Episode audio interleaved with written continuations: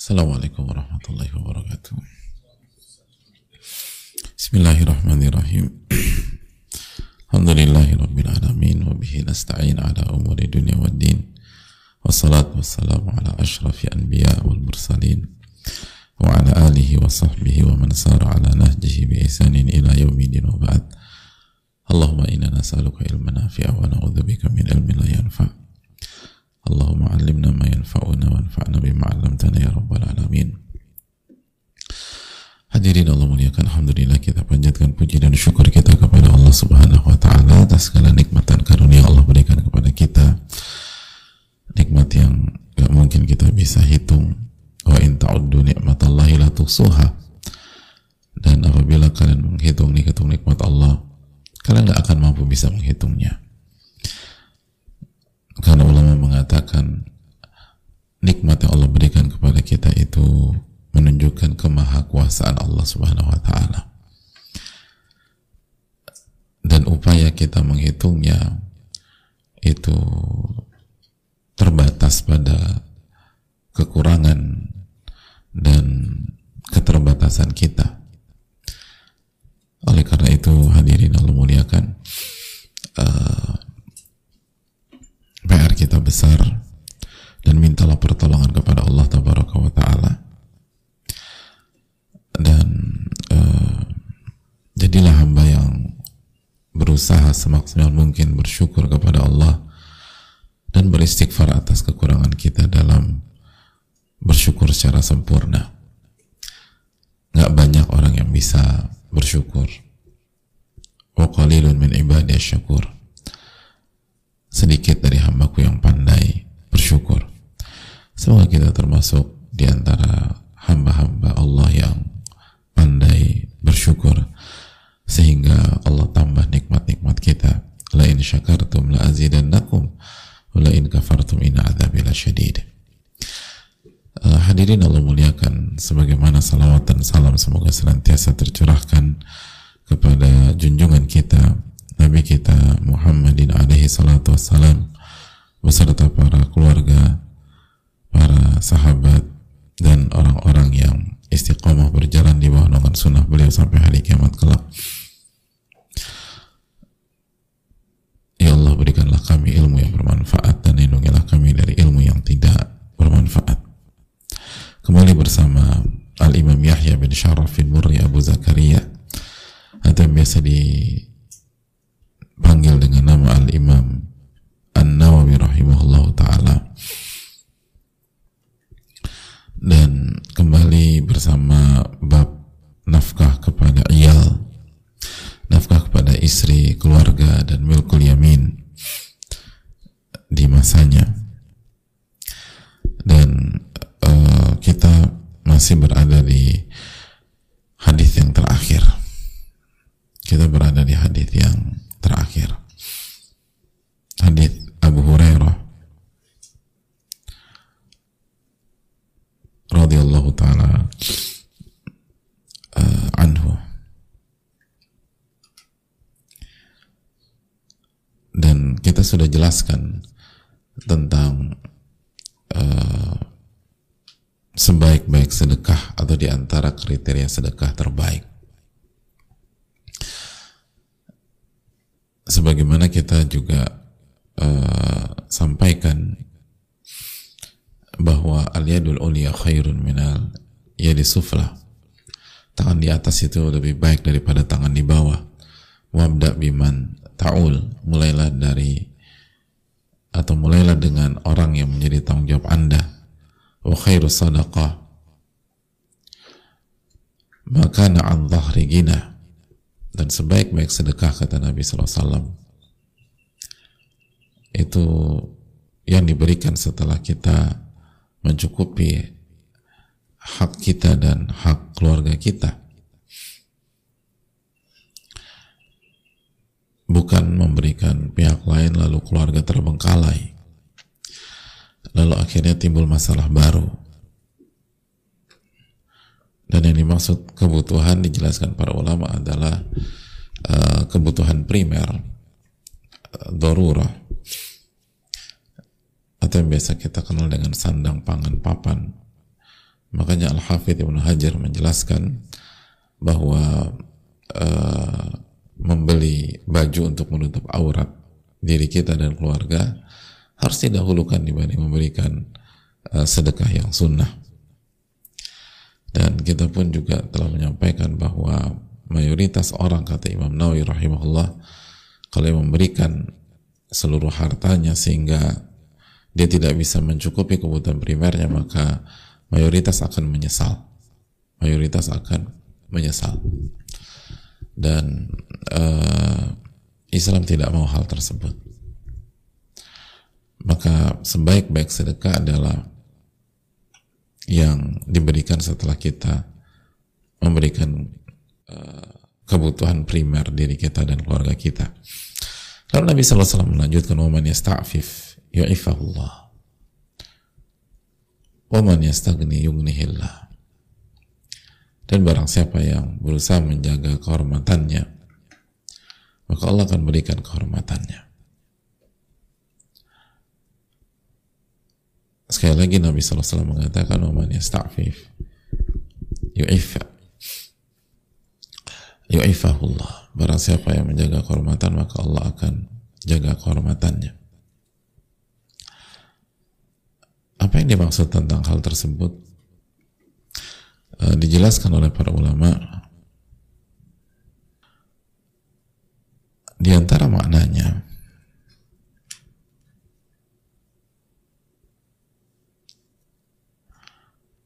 وَمَنْ يَسْتَعْفِفْ يُعِفَهُ اللَّهِ di antaranya adalah kata para ulama e, barang siapa yang e, menjaga diri dari meminta. Jadi menjaga kehormatannya dari meminta.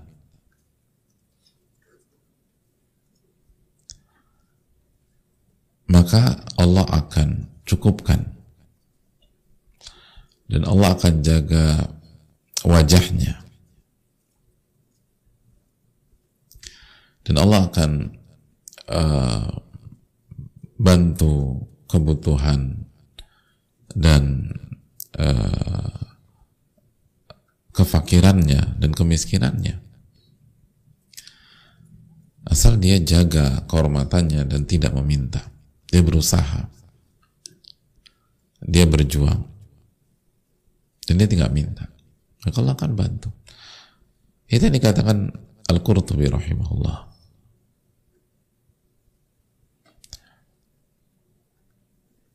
Dijelaskan Ibnu Tin bahwa maksud dari ifahullah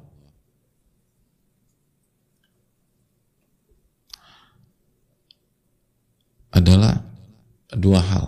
Yang pertama Allah akan berikan rizki dan harta sehingga dia tidak apa uh, sehingga dia tidak uh, perlu meminta untuk memenuhi kebutuhan primernya asal dia tahan dari awal. Pokoknya saya nggak mau minta. Maka Allah akan cukupkan nanti. Tapi sabar. Atau mana yang kedua kata para ulama kata Ibnu Tin atau Allah akan berikan sifat qanaah kepada dia. Merasa cukup. Jadi bisa Allah kasih harta atau bisa Allah kasih sifat. Jadi Allah menjaga kehormatannya dengan memberikan hal konkret atau memberikan hal abstrak atau dua-duanya hadirin. Jadi itu yang dikatakan Begitu juga dengan yang disampaikan Al-Qari.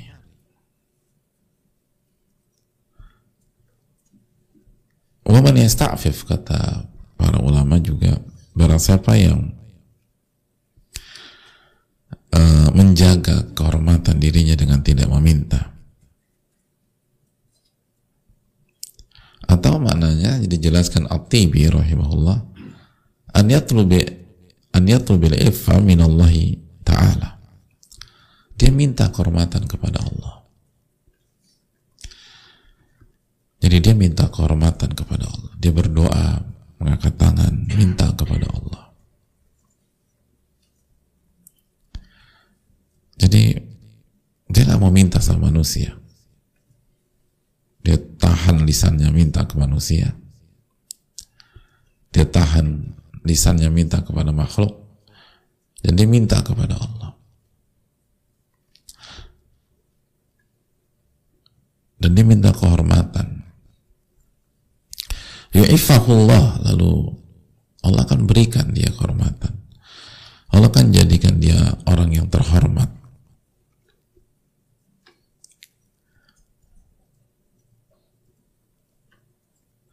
Dan di antaranya kata para ulama juga maknanya Allah jaga dia dari hal-hal yang haram.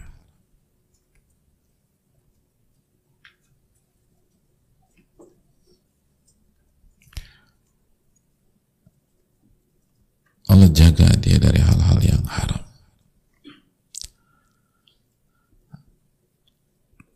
Jadi dia nggak kan ada orang bilang tuh, ya, kenapa, uh, kenapa bang lo jambret orang bang? Ya gue kan harus menghidupi keluarga.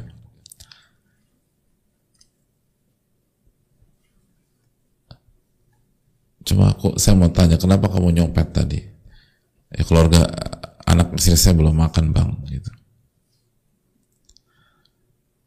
Nah pertanyaannya sebelum ada terbesit pikiran mau nyopet, mau nyolong, mau jambret, mau melakukan hal yang haram. Sudahkah minta kepada Allah Subhanahu wa taala? Atau ketika atau di level yang di atas ada orang yang Nasallahu soal afia. Dia jual dirinya gitu Baik laki-laki maupun perempuan dengan alasan harus makan. Pertanyaan sudahkah dia istighfaf? Sudahkah dia minta kepada Allah Subhanahu wa taala? Dan dia tawakal kepada Rabbul Alamin.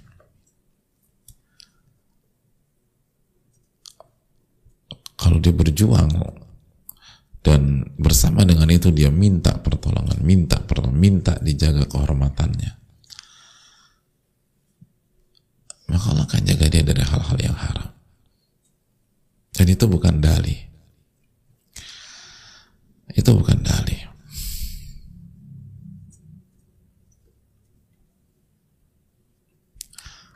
Makanya dijelaskan para ulama qani'a bi adna qutin wa taraka su'al tasul alaihil qana'ah barang siapa yang merasa cukup dengan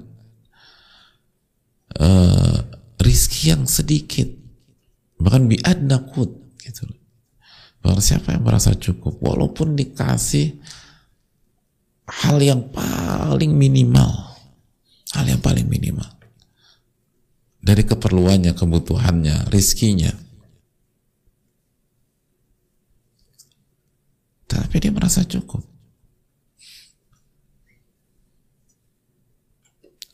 Dia merasa cukup.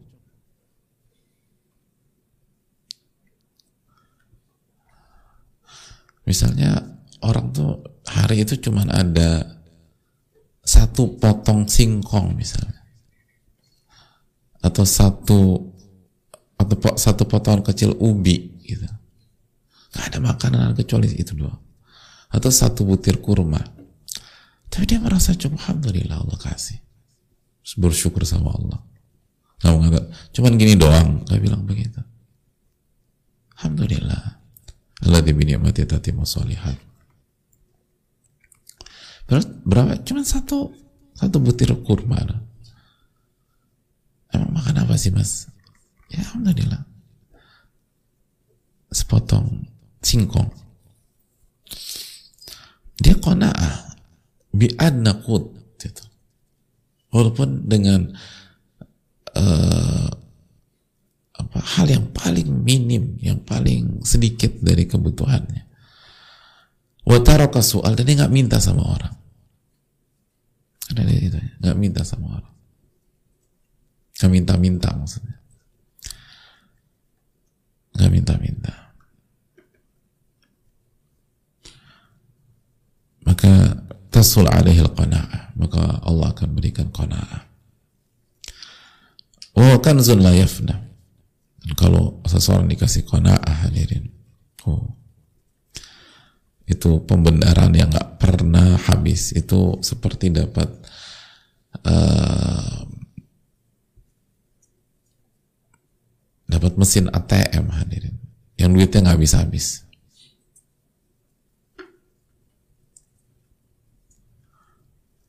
jadi bukan dapat kartunya lagi itu mesinnya didapat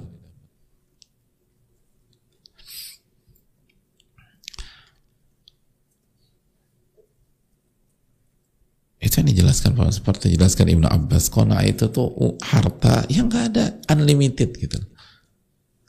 Har kita dapat uang nggak berseri kalau bahasa kita, ah itu kona. Itu kona. Kata Abdullah bin Abbas radhiyallahu taala.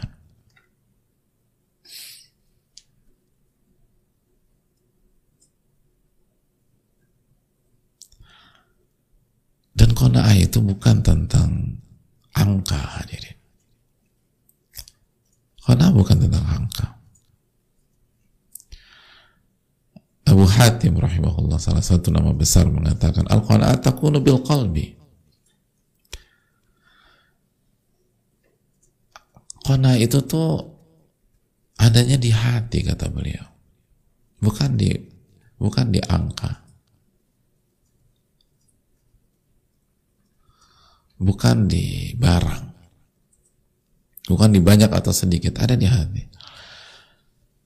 Faman ghaniya qalbuhu ghaniyat yadahu. Barang siapa yang hatinya itu kaya maka hatinya kaya dan merasa cukup maka tangannya pun akan merasa cukup. Cukup cukup. Wa min qalbuhu lam yanfa'hu ginahu tapi kalau hatinya itu miskin, fakir, lam yanfa'hu ginahu, maka dia mau kaya kayak apa pun juga nggak ada manfaatnya. Orang mau punya duit, punya uang sebe sebanyak apa pun, nggak ada gunanya. Lapar terus rasanya.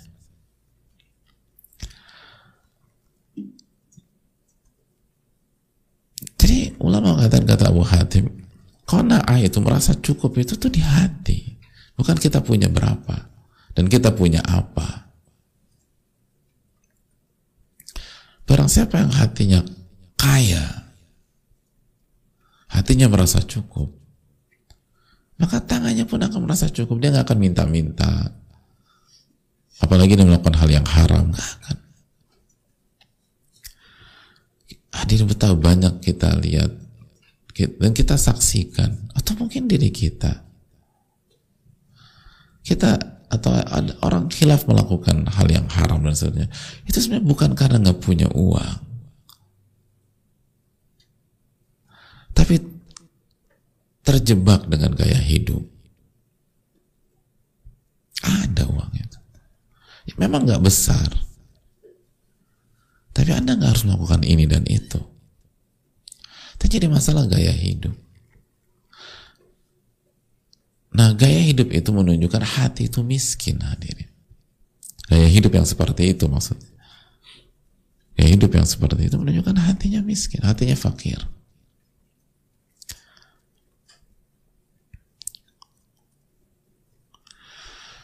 Kenapa demikian? Karena itu tadi hadirin yang Allah muliakan. Coba kita lihat kembali hadisnya. Waman yasta'fifu ifahullah. Barang siapa yang berusaha menjaga kehormatan. Allah kasih kehormatan. Allah kasih kecukupan.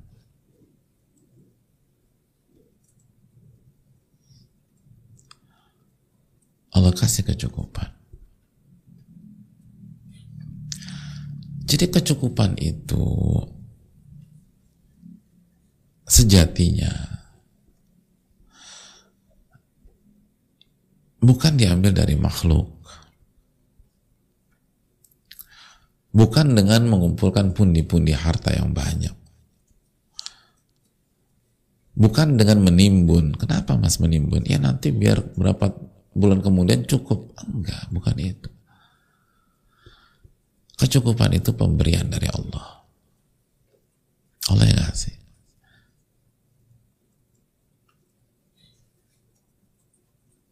Allah yang kasih dan Allah hanya kasih kepada orang yang menjaga kehormatan.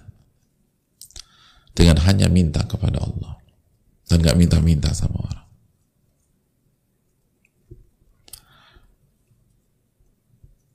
Allah Ta'ala alam bisawab. Kita rasa cukup sampai di sini. Kita buka sesi tanya jawab. Wassalamualaikum warahmatullahi Muhammad wa ala alihi wa ajma'in Assalamualaikum warahmatullahi wabarakatuh Waalaikumsalam warahmatullahi wabarakatuh Semoga Allah merahmati Imam Nawawi Ustadz seluruh umat muslim di dunia Amin ya Dan semoga Allah merahmati yang bertanya Izin bertanya, bolehkah nafkah yang diberikan suami sebagian diberikan ke orang tua istri untuk membantu orang tua istri tanpa sepengetahuan suami? Apakah itu terlarang? Apakah suami harus tahu segala pengeluaran istri dari nafkah dan yang diberikan? Mohon jawabannya Ustaz Jazakallah khairan. Ya terima kasih atas pertanyaannya. Uh, jika itu uang istri baik diberikan oleh suami dalam dari pintu nafkah atau hadiah atau dari dari dari selain suami mungkin warisan atau istri punya bisnis atau punya pemasukan. Dan itu untuk uh, untuk memberikan nafkah dan di antara nafkah adalah anak ke orang tua. Atau yang lebih spesifik anak yang mampu ke orang tua yang tidak mampu. Maka itu jelas di di, diperbolehkan. Tanpa sepengetahuan suami. Bahkan sebagian ulama mengatakan, dan ini keterangan para ulama ya, sebagian ulama mengatakan kalau suami larang, maka istri tetap boleh memberikan. Kenapa? Karena nafkah itu kewajiban. Maka apabila ada orang melarang kita mengerjakan kewajiban, Wajib taat apa tidak? Tidak. Dengan tetap menghormati ini dan seterusnya. Itu keterangan para ulama. Bagi sekali lagi bagi anak yang mampu ke orang tua yang tidak mampu. Itu poinnya. Uh,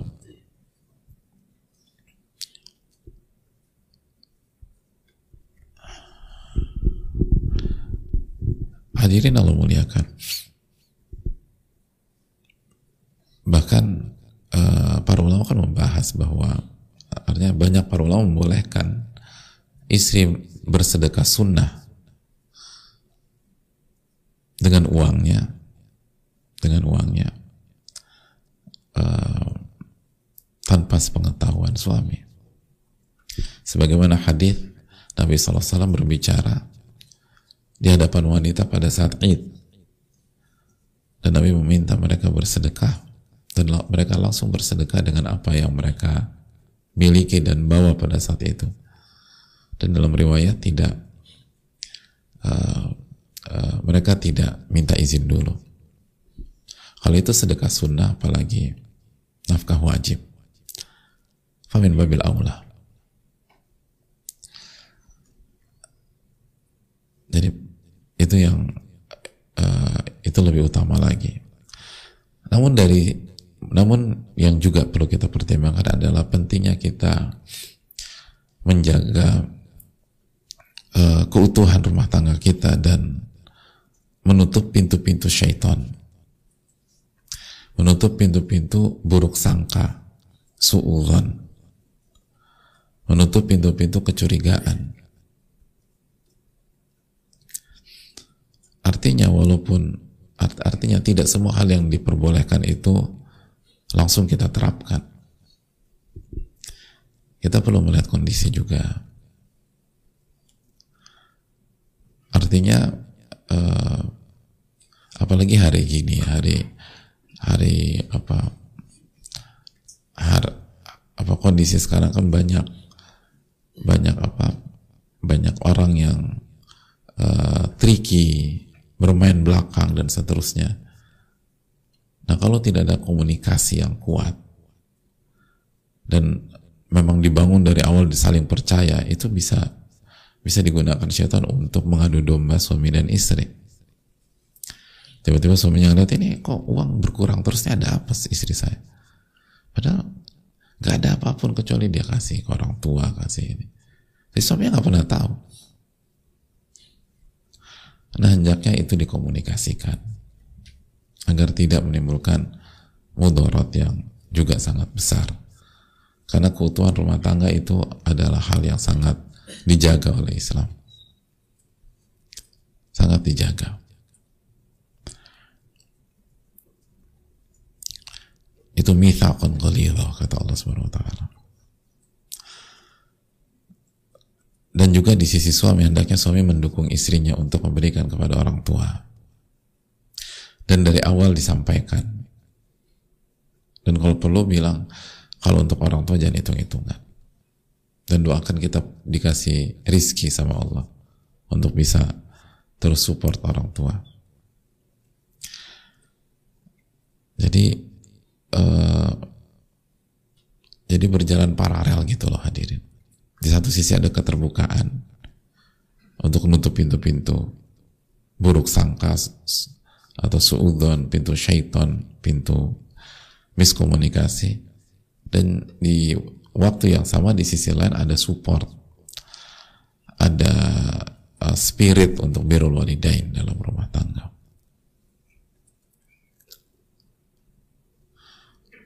Allah taala bisa jadi dan juga hal yang perlu kita camkan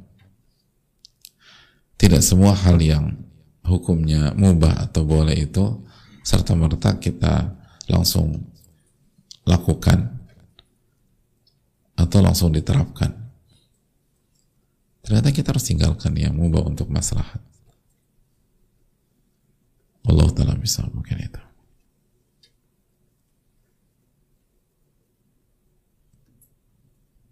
Assalamualaikum warahmatullahi wabarakatuh. Waalaikumsalam warahmatullahi wabarakatuh. Semoga Allah Subhanahu wa taala merahmati Imam Nawawi, keluarga beliau serta seluruh ulama kaum muslimin.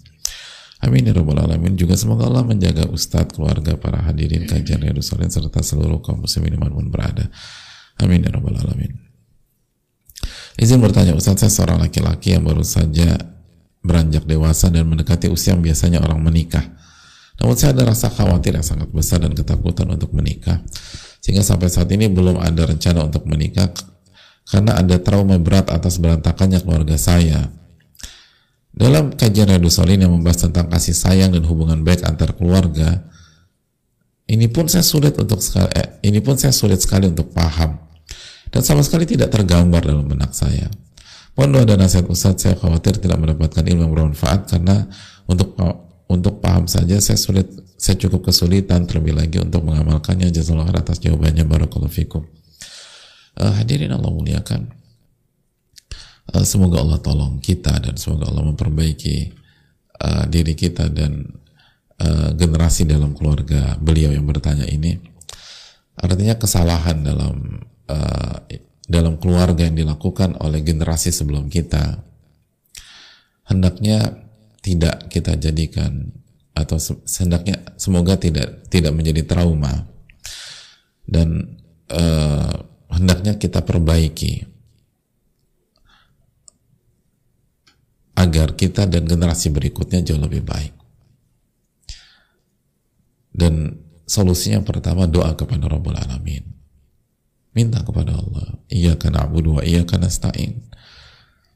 Kita tuh nggak akan bisa beramal, nggak bisa beribadah, nggak bisa berkarya kalau nggak ditolong sama Allah. Dan solusinya adalah minta pertolongan kepada Allah. Iya karena Abu dua, iya karena stain. Lalu yang kedua, uh, belajar ilmunya secara teori maka seperti bab Riyadus Solihin dan lagi kita belajar secara teori irhamu man fil ardi irhamku man fis sama sayangilah yang ada di bumi saya yang ada di atas langit akan menyayangi kamu belajarlah tentang bagaimana kasih sayang suami ke istri atau istri ke suami orang tua ke anak dan nanti anak ke orang tua. Kita perlu tahu ilmunya secara teori. Lalu secara praktek sebelum kita berumah tangga, coba bangun persaudaraan lah gitu. Bangun ukhuwah persaudaraan. Hubungan uh, apa uh, pertemanan yang dilandasi di atas iman dalam Islam itu kan dinamakan saudara. Innamal mu'minuna ikhwah. Sesungguhnya orang-orang beriman itu bersaudara dalam surat Al-Hujurat. Jadi ini bukan sebatas pertemanan ini persaudaraan. Maka yang berlaku adalah nilai-nilai saudara. Dan kalau artinya kalau kita punya teman baik atau sahabat baik yang beriman kepada Allah dan kita membangun uh, kebersamaan dengan dia karena iman.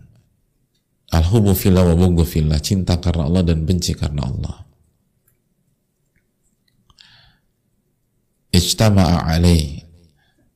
Kita tuh kalau ngumpul karena Allah.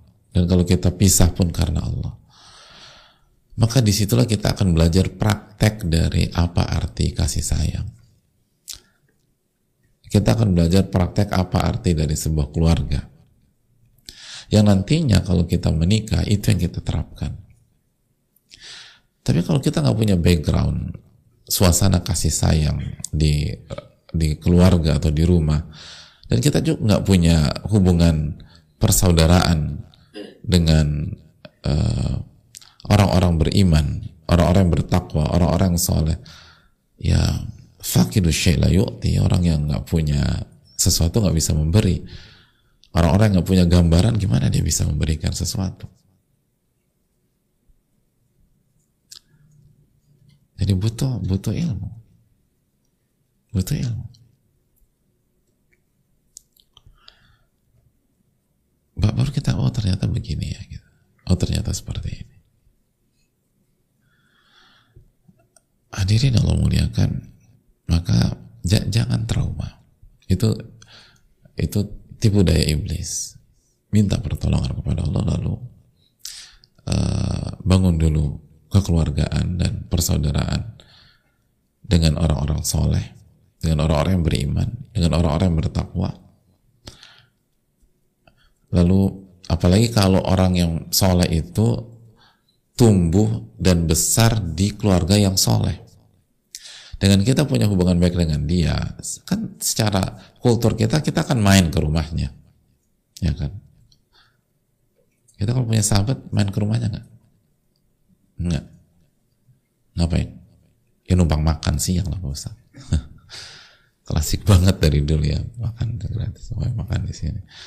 Karena kita akan ke rumahnya dan kita akan lihat gimana interaksi keluarga tersebut, gimana keluarga itu saling menyayangi, saling mencintai. Terus kita uh, apa namanya uh, dianggap anggota keluarga di sana, dianggap keluarga, pokoknya dianggap anggota keluarga, dianggap udah kayak keluarga sendiri, walaupun nggak harus bayar token listrik dan seterusnya. Jadi ada batasannya juga. Dari situ kita belajar, oh gini ternyata ya keluarga. Saya nggak pernah ngerti di di keluarga saya nggak ada yang kayak begini nih. Jadi keluarga itu harus perhatian ya. Gitu. Oh ya kalau begitu ya begini lah caranya. Nah itu poinnya. Kalau kita nggak punya itu gimana? Nggak ngerti kita itu. Allah taala alam ini bisa disampaikan jazakallahu khair wa sallallahu alaihi ala Muhammad wa ala alihi wa bihamdika la ilaha illa anta astaghfiruka wa atubu ilaik. Assalamualaikum warahmatullahi wabarakatuh.